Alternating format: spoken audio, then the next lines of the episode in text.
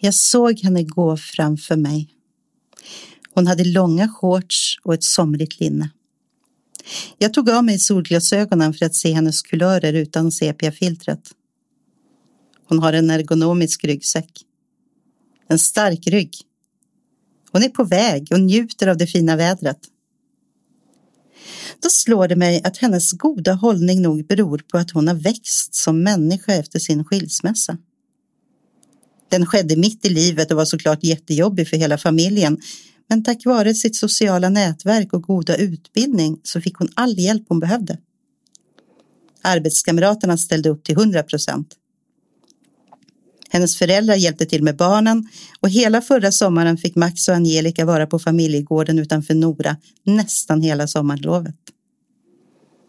Då hade hon gott om tid att få i ordning i nya lägenheten och han faktiskt även med en veckas semester med sina närmaste barndomsväninnor Klara och Liselott. Välbehövligt måste jag säga. Nu har hon kommit till rätta i de nya kvarteren och barnen har fått många nya goda vänner.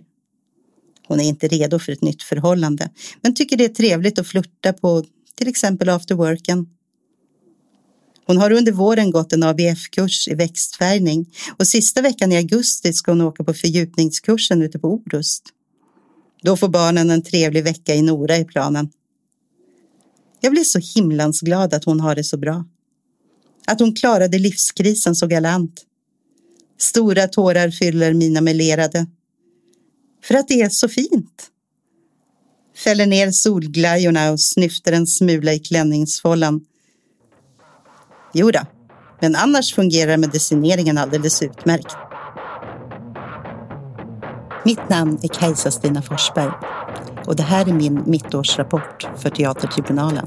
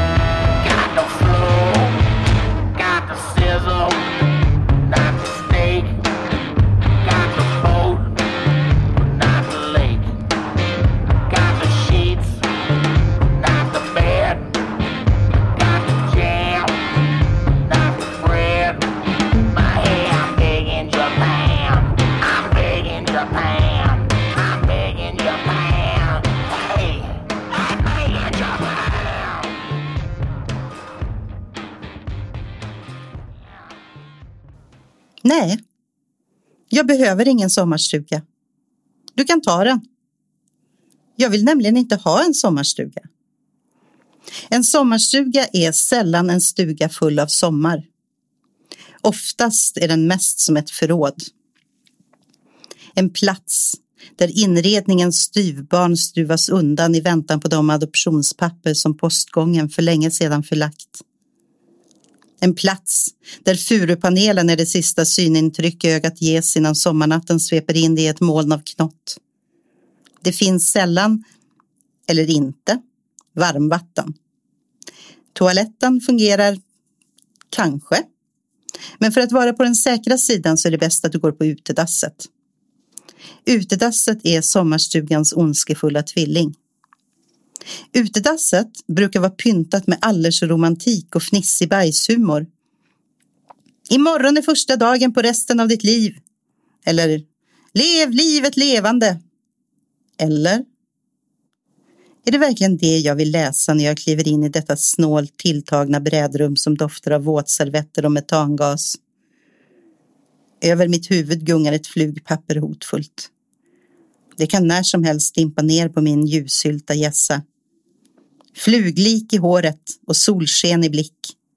Tror jag det. Sommaren står ju högt på himlen och svalorna är mångt fler än en.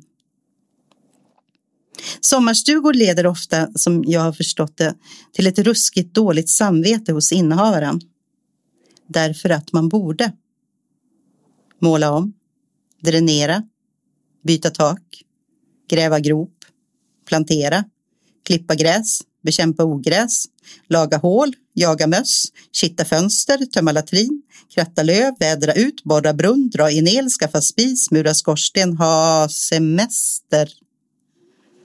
Allt detta slit bara för att kunna grilla på en veranda. Jag förstår att människor är trötta. Semestern var för kort. Tror jag det. De stackars sommarstugeägarna jobbar ju hårdare än man gör i kallhamrade arbetsläger i Murmansktrakten. Detta ok som sommarstugeägarna vandrar runt med i sina små stugor bland kopparkittlar och diverse krimskrams som ingen riktigt vet hur det hamnade där. Saker vi inte använder och vill ha åker pronto ut i sommarstugan. Men sen åker man efter och måste lik förbannat omge sig av alla ting som man valt bort. Många av mina vänner har sommarstuga. Det är bra. Då kan jag åka dit och hälsa på. Sommargästen. Men inte stanna för länge. För sommarstugor tenderar ju vara i ett bedrövligt dåligt skick och ligga på landet. I skogen Landet och i skogen-kvoten är i mitt fall full. På landet och i skogen finns det insekter som äter min fuktiga hud, borrar sina gaddar i mitt mjälla kött. De vill inte jag befatta mig med. Jag kan stanna i stan. Det är helt okej. Och häromdagen hörde jag att i städerna brukar det finnas parker som man kan besöka om klorofyllabstinensen tränger på. Man kanske borde prova en sån. Ja, park alltså.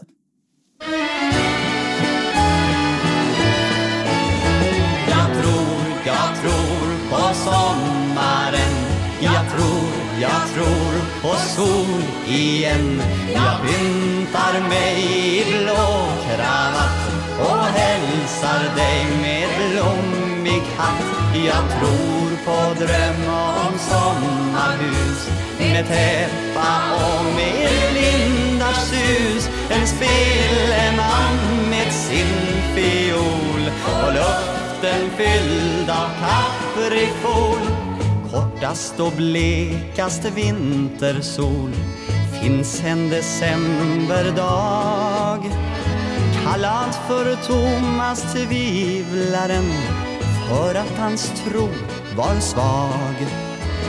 Han skulle aldrig någonsin trott på en sol, en vår. Och ändå förvandlas vintern till sommar vartenda år. Jag tror, jag tror på sommaren.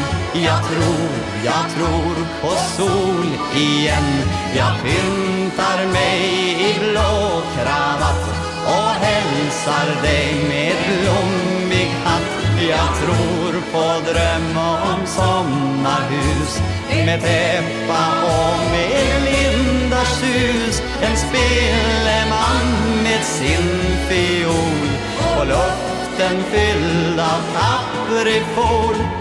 Midsommarafton, natten lång, kärlek och dans och sång. Solen som plötsligt börjar gå upp och ner på en gång. Pojken med flickans hand i sin viskar och får till svar löften han gått och hoppats på under det år som var. Jag tror, jag tror på sommaren.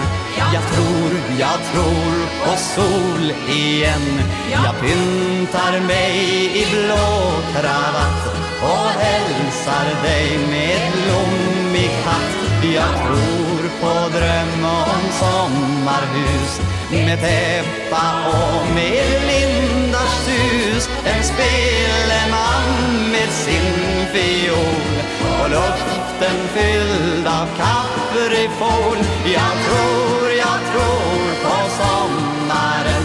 Jag tror, jag tror på sol pyntar mig i blå kravatt och hälsar dig med blommig hatt. Jag tror på dröm om sommarhus med träffa och med lindars hus. En spilleman med sin fiol och luften fylld av kaprifol. Det kom snö. Den ligger kvar. Varför då? Jag blir moloken av snö. Det känns som att jag är åtta år igen och bor i skogen och jag måste åka lilla Vasaloppet. Kommer sist. Alltid sist. Jätte, jättejävla sist. Så sist att de andra barnen redan satt i bussen och buade. Och korvgrillning och termosdrickning var slut för länge sedan. Fem kilometers irrande i hjärtekall furuskog. Svängde höger istället för vänster. Vilse. Skidan har lossnat och stelfrusna fingrar rår inte på tekniskt avancerad spännanordning. Prövar att ta av skidorna och gå istället. Då sjunker man ner till hakan. Nu är snön innanför kläderna också. Känner hur huden fryser och kråkhackan breder ut sig över det bullfeta Frostmofjällsbarnets osportade lekamen. Johan Ljungberg är mycket mer värd än mig. Han åker fortast. Han kräks blod. Men det bryr sig ingen om, för han vann och det är huvudsaken. Vi riskerar våra små barnaliv för en trämedalj som fingerlös slöjdmagister har bränt in lilla Vasaloppet på. Kastar bort vår värdighet på ett antingen snabbt eller långsamt sätt bara för att belönas med trä. Jag valde motionsklass, inte tävlingsklass. Men det är skitsamma för att alla tidsresultat redovisas i alla fall på den stora anslagstavlan. Där hänger resultaten långt in på våren. När tussilago blommar så kan man fortfarande se hur fort man åkte lilla Vasaloppet. Tillbaka i skolan så blir man hånad och mulad. Snö, snö, snö, snö på frostskadad kind och avdomnad fot. Säg vem du är kär i, vrålar Tommy Isaksson och ser till att den grusblandade frosten riktigt gnids in i näsborrarna. Jag är kär i dig. Därför att du förnedrar mig som ingen annan gjort. Jag är kär i dig därför att jag inte har någon stolthet kvar. Slå mig hårdare. Älskade Tommy Isaksson. Vill man vråla tillbaka. Men istället snyftar man Lars-Göran. Eftersom han inte är farlig och knappt finns. Den som säger leken ger får leken tåla. Herre på täppan. Varför kan vi aldrig gå in? Varför måste vi vara ute jämt, jämt, jämt i denna hiskeliga kyla? Nej, mamma. Nej, nej. Graningekängan är inte varm. Inte ens med tjocksockar i. Kan jag bara få ett par snowjogging? Ge mig ett par snowjogging. Jag måste ha dem nu när jag aldrig får vara inne. Jag fryser. Jag fryser ända in i märgen. Släpp in mig. Släpp in mig. Låt mig slippa snö. Låt mig slippa andra barn. Släpp in mig och låt mig vara inne. Ja, detta kan man väl kalla fröken Forsbergs känsla för snö. Nu känns det mycket bättre. Hurra, det snöar!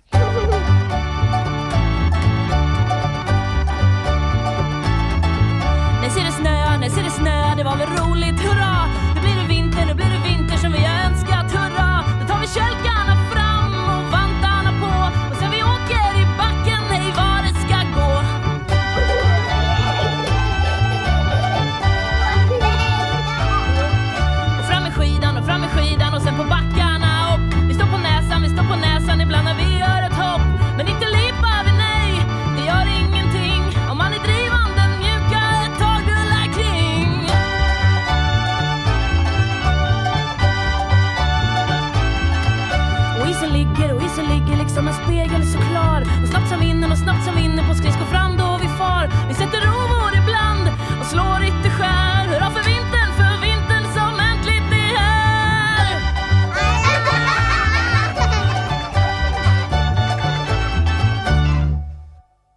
man var någon form av barn så gick man regelbundet och duktigt i skolan. Där hade man många olika ämnen och idrott. Man hade en bänk vars lock var antingen off-white eller grönt. Locket gick att fälla upp. Man hade penna, sudd och lim. När jag började skolan var limmet björnklister. Röd burk. Värdelöst att klistra med men var helt okej att äta i små tuggor från den fiffigt användbara spaten.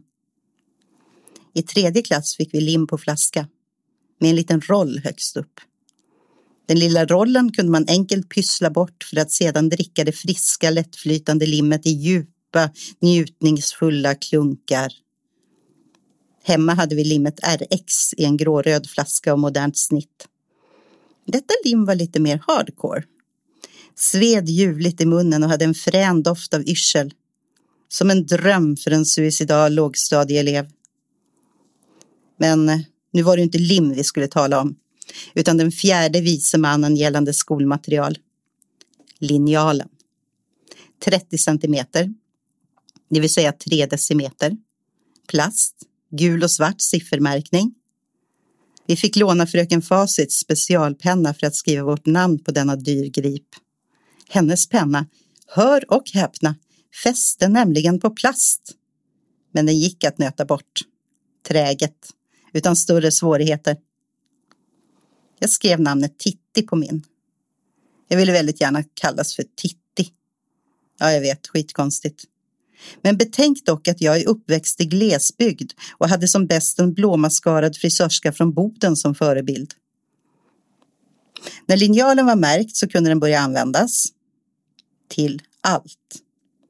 Det var ett evigt mätande. Ett evigt understrykande med linjalraka streck. När man inom matematiken gjorde taluppställningar så skulle strecket mellan tal och summa ritas rakt och prydligt med linjal. Sen skrev man svar. Och även under svar så skulle ett rakt streck ritas med hjälp av denna gudagåva till plastbit. För att visa att uppgiften var löst och att man gick in på nästa räkneexempel så drog man ett linjalstreck över hela mattebokssidan så att alla lösta tal fick varsin rektangel att bo i. Himlans raka streck blev det. Raka, tjocka streck. Därför att alla vi små tuktade skolbarn tryckte så inåt helvete hårt med våra gula blyertspennor av nervositet över att strecket skulle bli snett och vint. Vi tryckte hårt för att våra små fantasier inte skulle göra uppror mot allt detta jätteraka och rediga. Allt detta linjerande måste ha tagit en himla tid. Det kan ha varit en nackdel eftersom vi redan första skoldagen lärde oss att allting är en tävling. Precis allt. Men priset är dock ytterst diffust. Man skyndade och skyndade, mätte och sträckade, rakare och snabbare tills handen åkte upp och toalettbesök tilläts. Väl inne på vattenklosetten så tog man en tugga lim för att lugna nerverna. Eller en stilla sniff på whiteboardpennan. White, vitt, vit, som färg av barnens oskuld. Så jag måste bli ren, genom bikt. Förlåt mig, Men jag vill bekänna. Inte bara mitt tidigare erkännande att jag som ung åt massor med olika sorters lim. Det är inte det enda. Jag har, och nu rådde jag lite lagom katolskt, även ätit en tjuvhand. När jag var någon form av barn så fanns det automater utställda på gator och torg. I dem stoppade man sin veckopeng och ut kom en plastask med en tjuvhand i. Tjuvhanden var tillverkad i ett kletigt plastigt silikonmaterial. Om man kastade den på väggen så fastnade den där.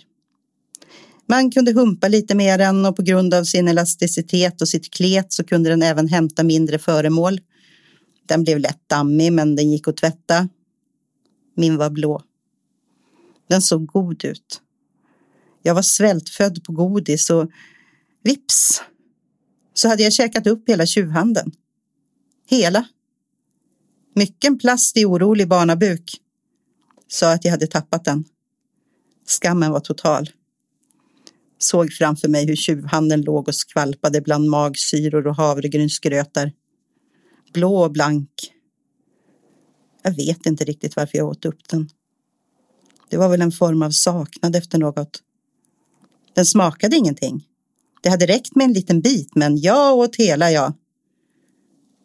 Undrar om den ligger kvar där inne. Blå och blank. Och jag fortsätter att undra vad det är som fattas mig.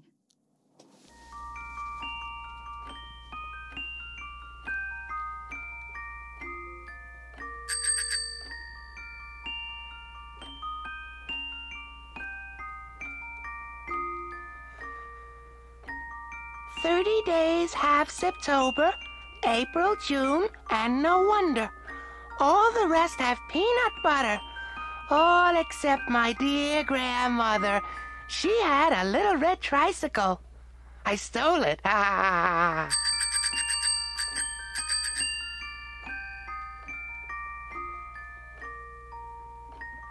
am in love with my little red tricycle. It has pedals and a seat that has springs and wheels that have spokes that don't speak till they're spoken to and a little bell that I can ring. See? See? Thirty days have September, April, June, and no wonder. All the rest have peanut butter. All except my dear grandmother. She had a little red tricycle. It's mine now.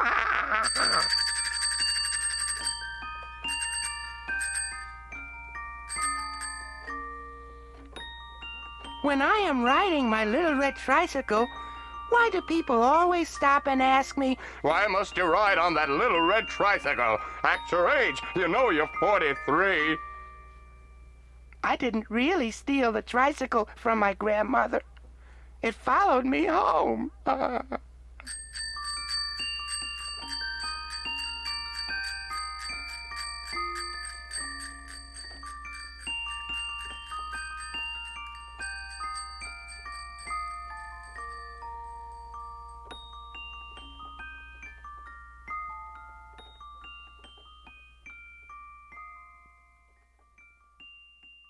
Applejack, Bowtie, Bubbles, Seashell, Parasol, Windy, Cotton Candy, Lickety Split, Blowmouth, Blowjob, Melody, Peachy Pie, Starlight, Surprise, Sundance, Firefly, Medley, Skydancer, Twilight, Moondancer, Sparkle, Sunlight, Cherry Jubilee, Powder och allt vad ni nu hette.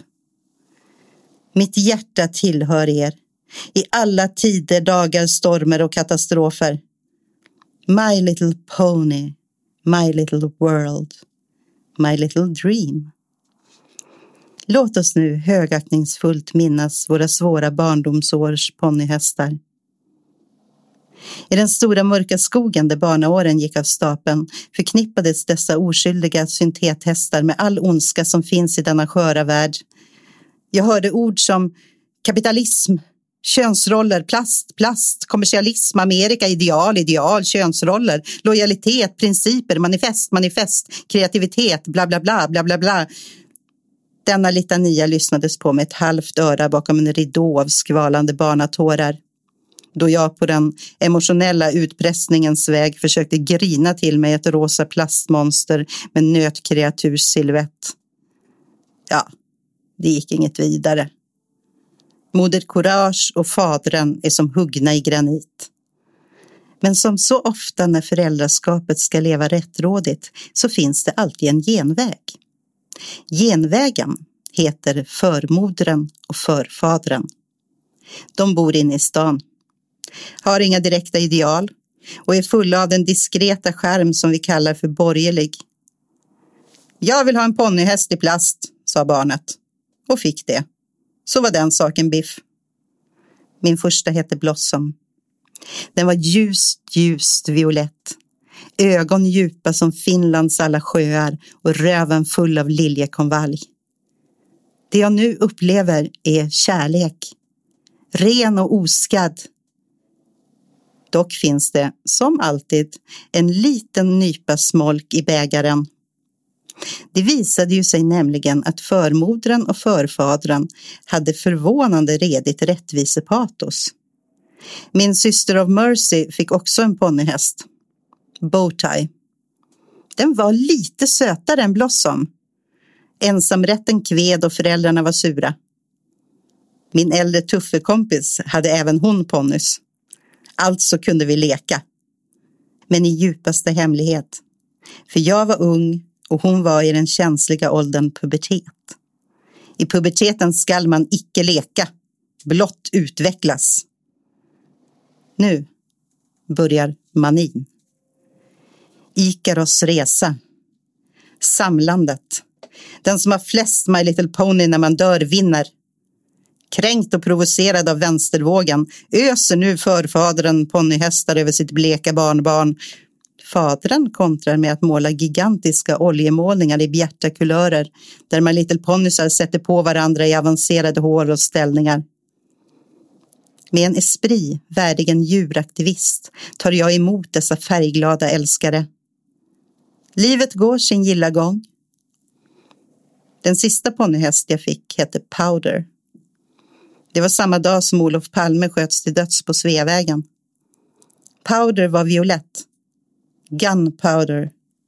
Vit man med en endaste röd slinga och röven full av gnistrande snöflingor som föll och föll utanför mitt fönster.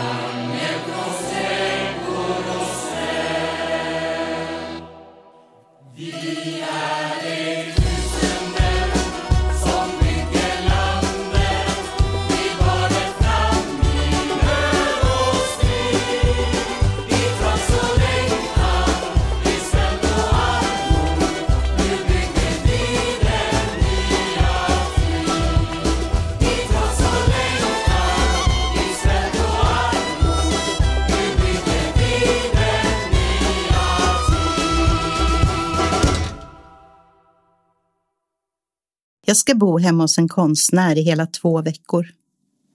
Men då jag kommer dit så ser jag hur illa gästrummet förfallit trots att jag aldrig varit där. Bilen har åkt och spindelnät och misstänkt fuktiga barrträd växer vilt i rummet där jag ska kampera. Konstnären är mild och trevlig och det känns verkligen som att vi är själsfränder. Synd bara att jag vet att han förmodligen kommer att slå ihjäl mig så fort jag har somnat. På övervåningen till mitt gästrum har jag tydligen under många, många år samlat på mig ett medelstort kostymförråd. Detta ska nu packas ner i redan halvfulla kartonger som kommer att bli jättesvåra och jättemånga att ta på tåget eftersom bilen som sagt har åkt. Trots att många plagg är trasiga och för små så vill jag inte skiljas från ett enda ett. En mörkhårig filmarbeterska som hjälper mig att packa lägger rabarber på en underbar tyllklänning som jag har starka emotionella band till. Jag spelade sommarteater i den, på berget, ovanför viken som var full med döda sälar och där vattnet var så onaturligt klart. Jag döljer min harm och sätter mig och röker bredvid min psykotiske vän konstnären. Han yrar om att vi ska äta kebab till middag, på restaurangen. Jag tänker i mitt stilla sinne att det inte finns någon restaurang i närheten utan bara ett fiskrökeri som förmodligen är stängt. Det är så många som firar valborgsmässoafton ikväll. Jag tittar upp på konstnären och ser att han börjar bli väldigt gammal. Jag fortsätter packa och inser lättad att jag slipper ta med den gröna lädersoffan på tåget eftersom konstnären har gjort konst av den. Puh.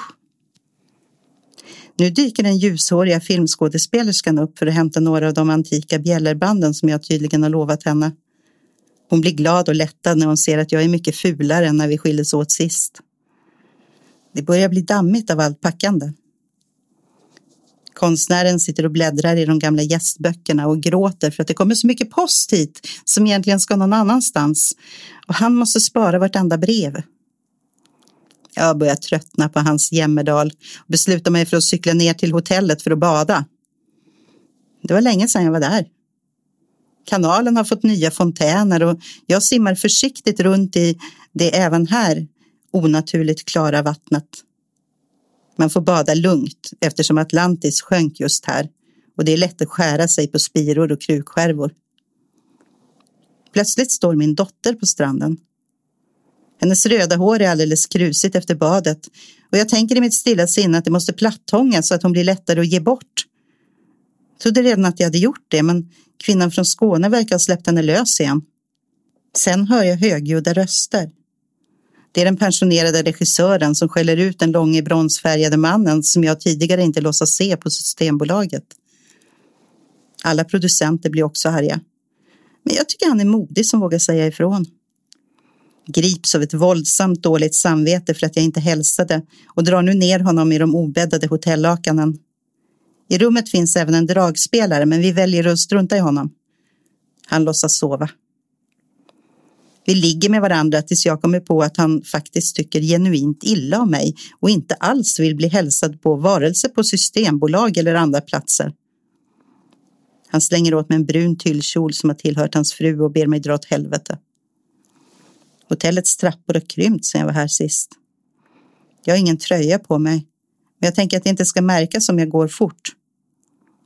Nere vid källardörren träffar jag regissören från Stockholm som bjuder på en cigg fast hon inte röker hon bekräftar under vår paus att mina bröst inte är sexuella symboler längre. Nu går jag bara runt och skrotar i olika backar. Vid horisonten anar jag några eldar som brinner högt.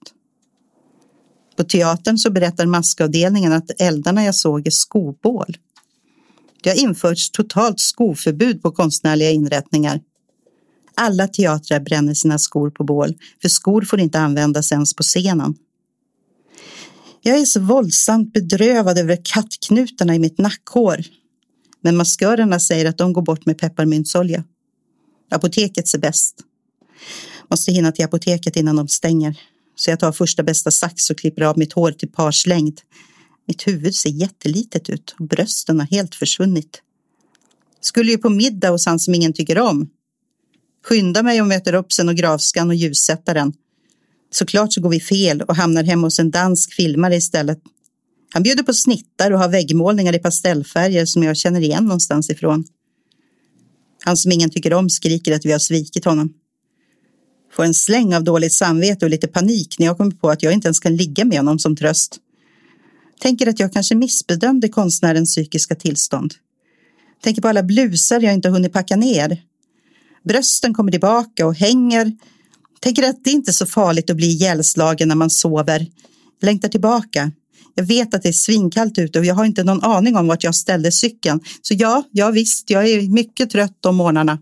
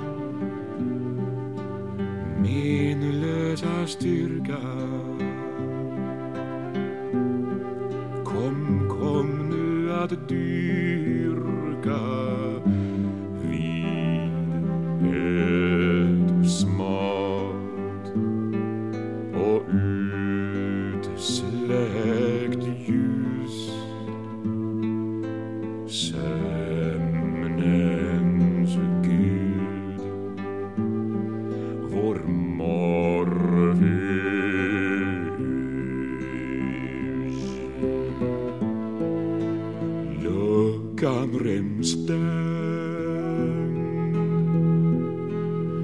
Porten till sluten Natthuvan ren Din jäsa kring knuten. Ren Norströms piskperuk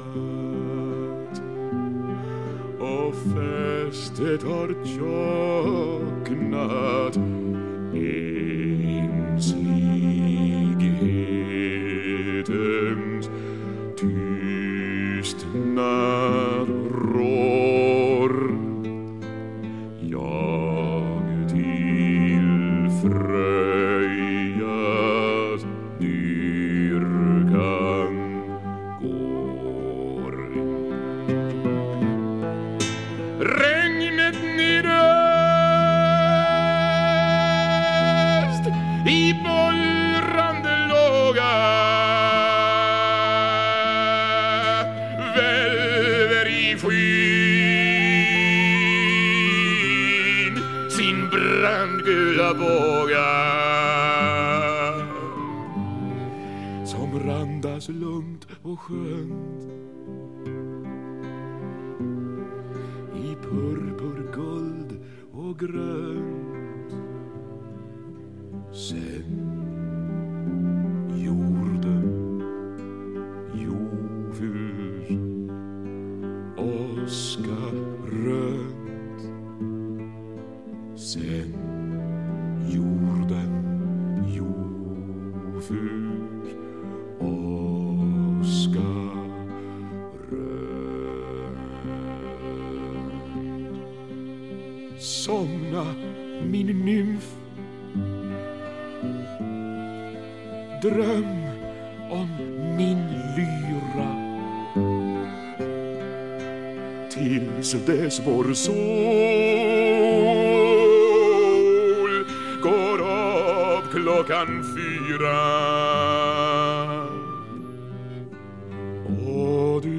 Du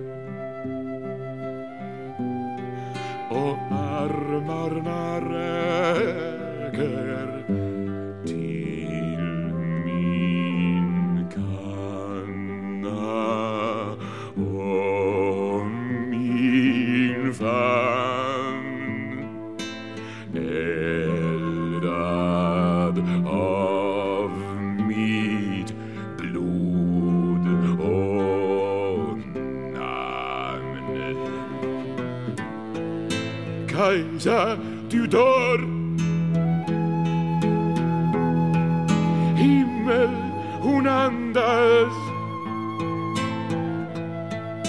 Döden ger liv och kärlek bortblandas. Men fast din puls slår matt så blundar ögat glatt. Håll med fiol.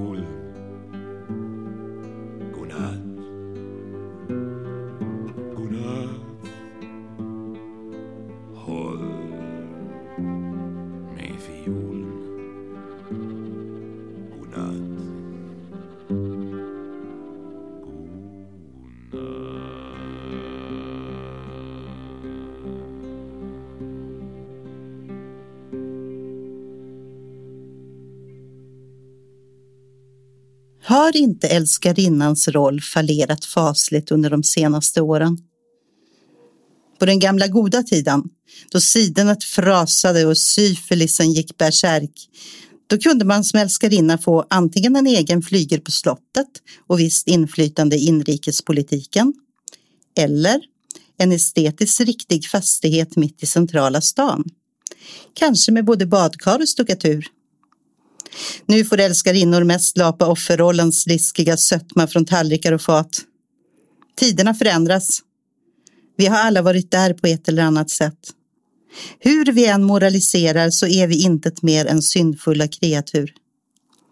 Och på grund av mitt kön så undrar jag nyfiket. Älskare, vad sort av träck lapar ni? Sen är det det där med parfymen. Om jag vaknar upp i en äktenskaplig säng så bör jag lukta alkohol. Hela dygdens kammare bör lukta av min fitta.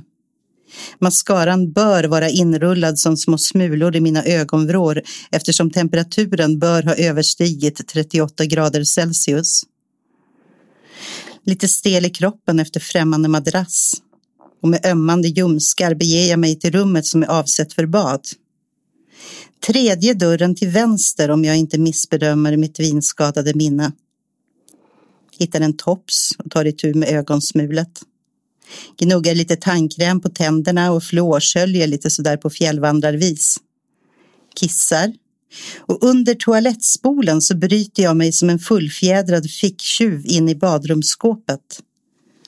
Där finns inget särskilt undrar lite försiktigt varför så många väljer att lämna kvar den lilla klumpen av saliv och oral rengöringspasta på den elektriska tandborstens batteriladdare. Själv sköljer jag alltid nogsamt både tandborsthuvud och själva elektriska borstenheten och torkar noga bägge ting med den praktiska lilla handduken som hänger i jämnhöjd med tvättfatet. Men det är ju så olika det där. Olika i olika kommuner liksom. Det ligger ett örhänge på nedersta hyllan. Ett i silver med rosa sten. Men bara ett. Hon har säkert tappat bort det andra. Sicken liten slarva. Jag har i alla fall den goda smaken att tappa bägge örhängena. Inte bara ett. Så olika det där. Olika i olika kommuner. Sen spolar jag igen för att dölja det lilla gnället och det lilla klicket och skåpet stängs igen. Spol, spol. När jag kommer ut i tamburen så doftar det kaffe. Det finns ingen mjölk, men jag säger att det inte gör någonting och sippar artigt på morgongåvan. Vi ska äta frukost på ett kafé därför att vår tid håller på att rinna ut, låter han mig förstå på ett gentlemannamässigt vis. Han lämnar över tre hårnålar som är mina. Ser att lakanen redan har skenat iväg till tvättkorgen. Knixar till tvättkorgslocket med bredhöften. Man vill ju liksom hjälpa till i grannkommun om jag säger så. Han har redan fått på sig jackan och skorna. Mina skor är högklackade och lite trixigare att få på. När jag reser mig upp så står han där med min jacka i näven. Vänta, säger jag och tar med en van gest upp min parfym ur väskan för att ta en dusch likt motorburen ungdom. Nej, för helvete, inte här. Min parfym kostar 850 kronor för 30 milliliter. Den ska tydligen inte användas här. Parfymdoft är alltså det nya svarta. Läppstift på kragen är tydligen rysligt omodernt. Inser att min frukost ska inmundigas till doften av fitta och en smula tandkräm. Halvvägs ner i trapphuset så kommer han på att han har glömt nycklarna. Snus, plånbok, sig, testamente, C-vitaminbrus eller något annat livsnödvändigt.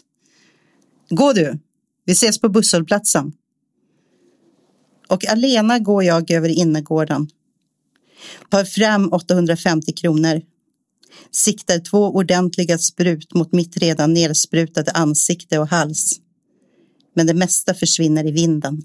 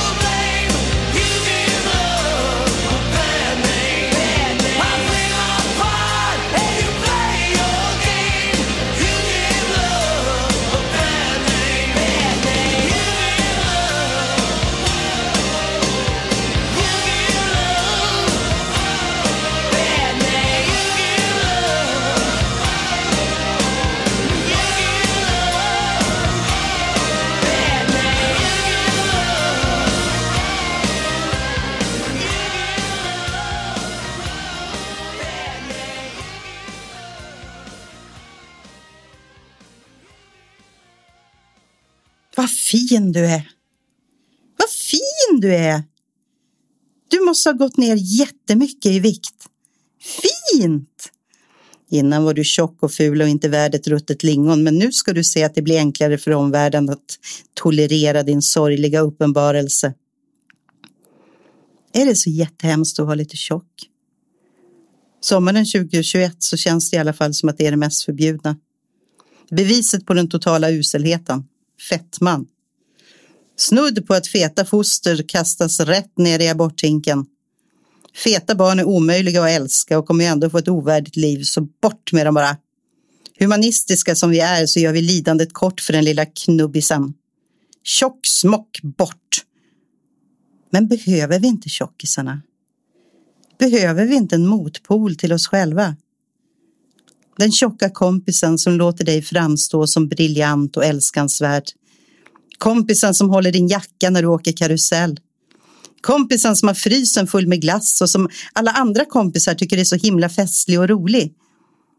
För att den tjocka kompisen måste skoja.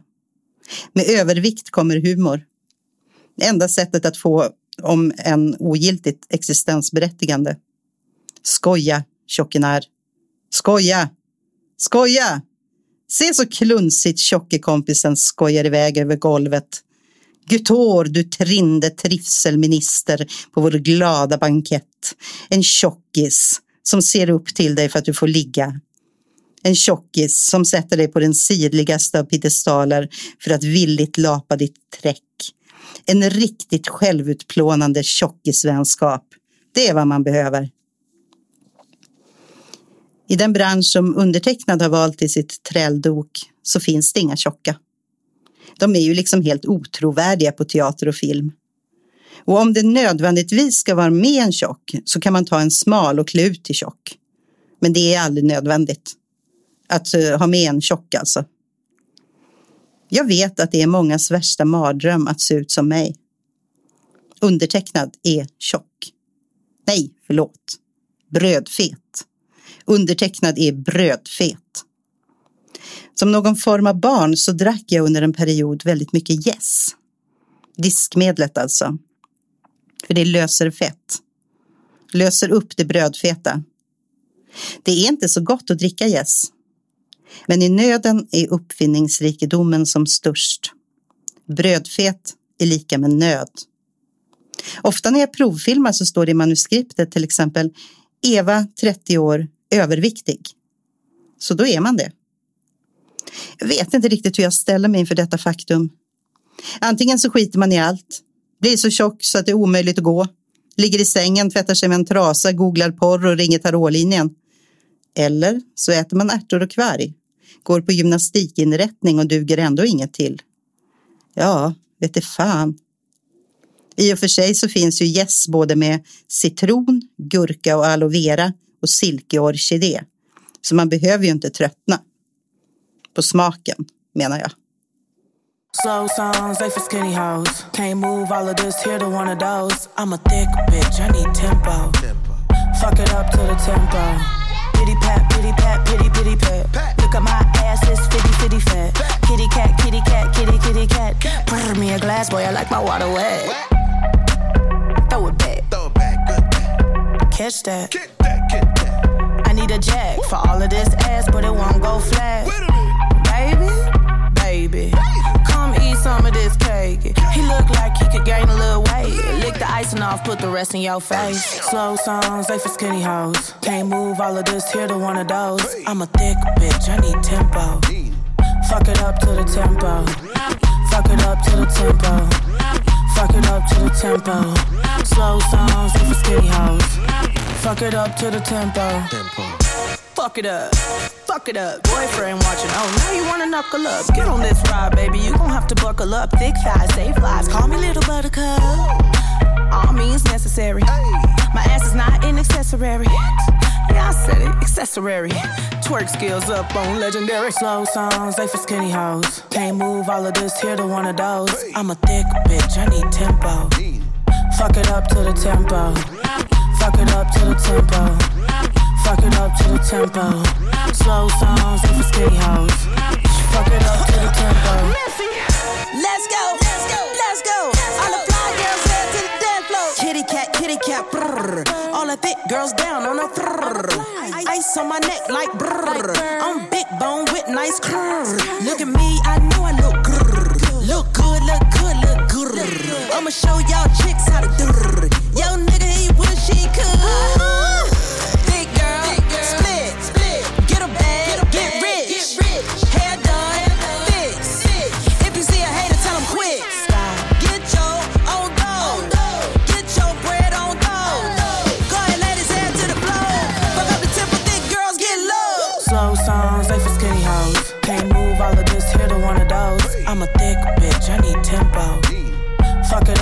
Tempo.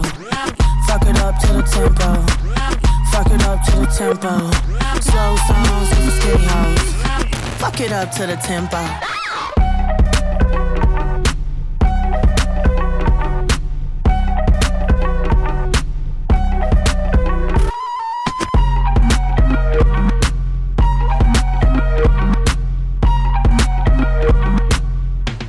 Girl, run that shit back.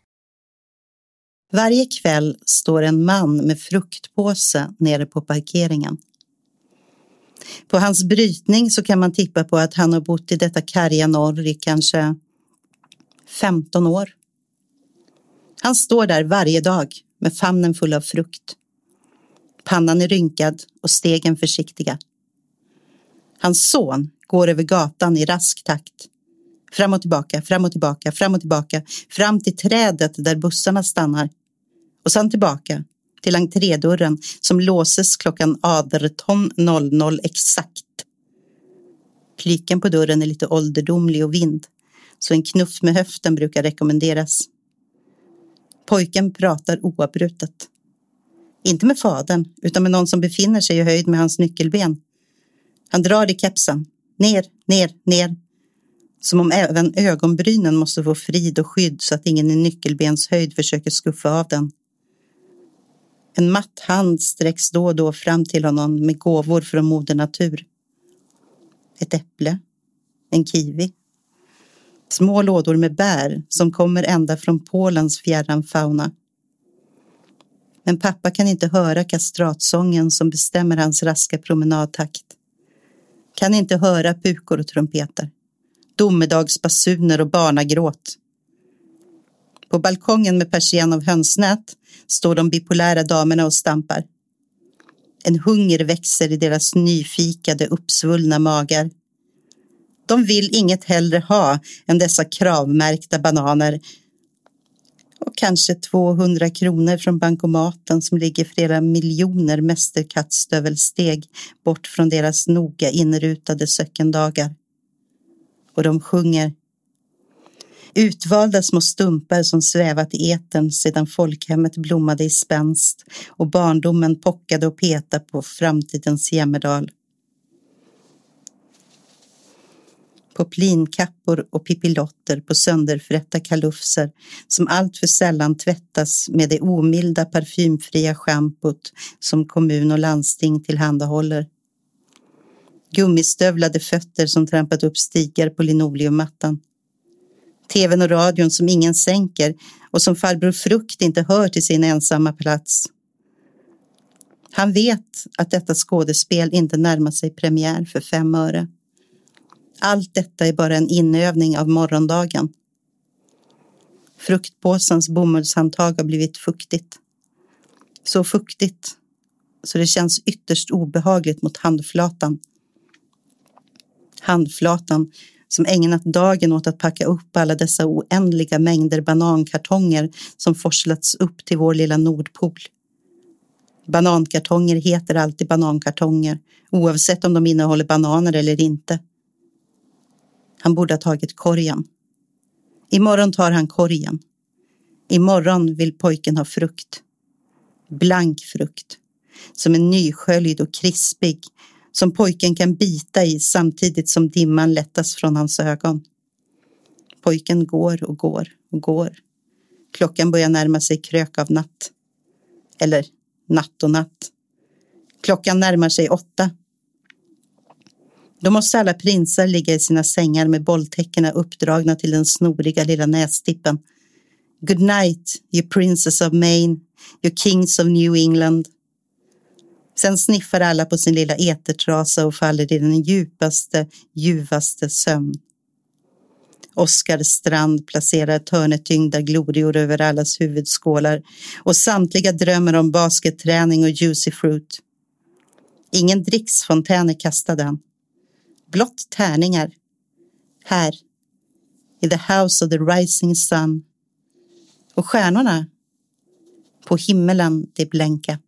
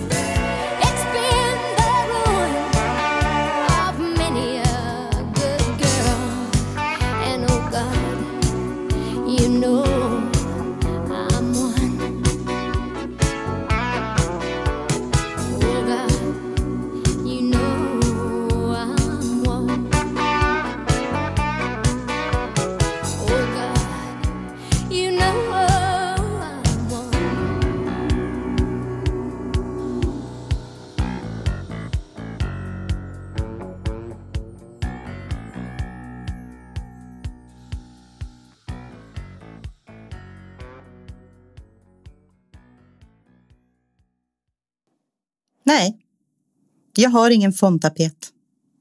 Total avsaknad av fondtapet. Det går bra ändå. Fungerar fint. Kanske borde jag skaffa en fondtapet bara för att se hur det skulle kännas. Kommer nog göra det.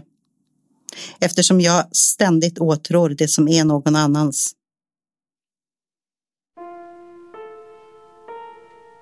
I remember when I was a little girl, our house caught on fire. I'll never forget the look on my father's face as he gathered me up in his arms and raced to the burning building out on the pavement. And I stood there, shivering in my pajamas, and watched the whole world go up in flames. And when it was all over, I said to myself, Is that all there is to a fire? Is that all there is? Is that all there is? If that's all there is, my friends, then let's keep dancing. Let's break out the booze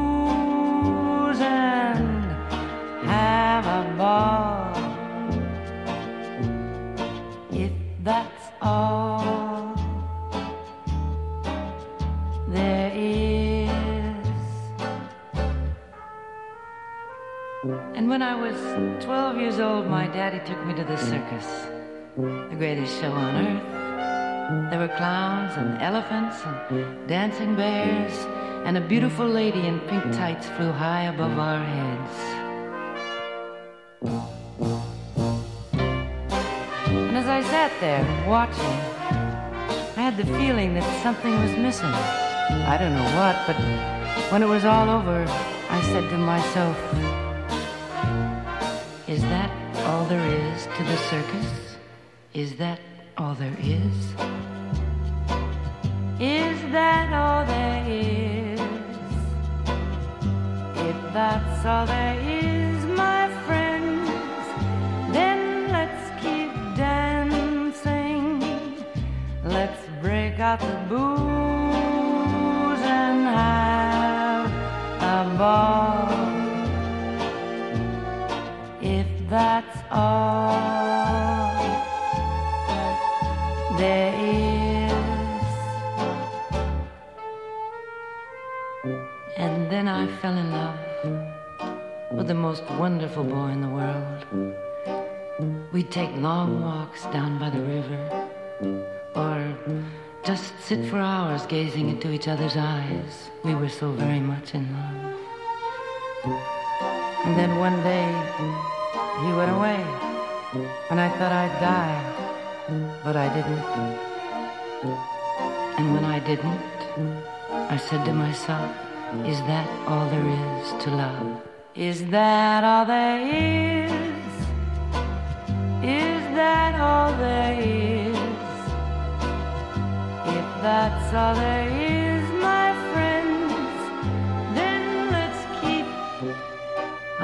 you must be saying to yourselves.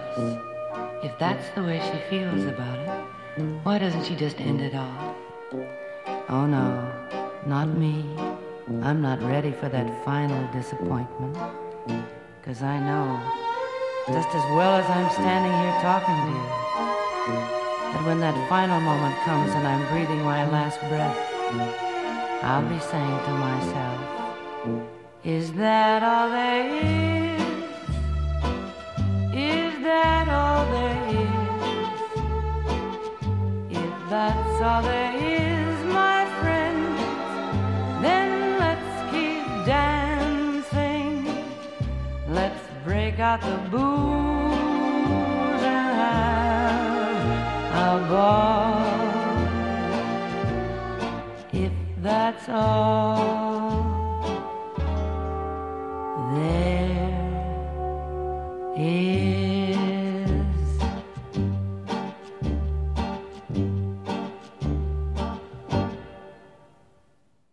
Du har hört Kajsa-Stina Forsberg presentera sin mittårsrapport för Teatertribunalen.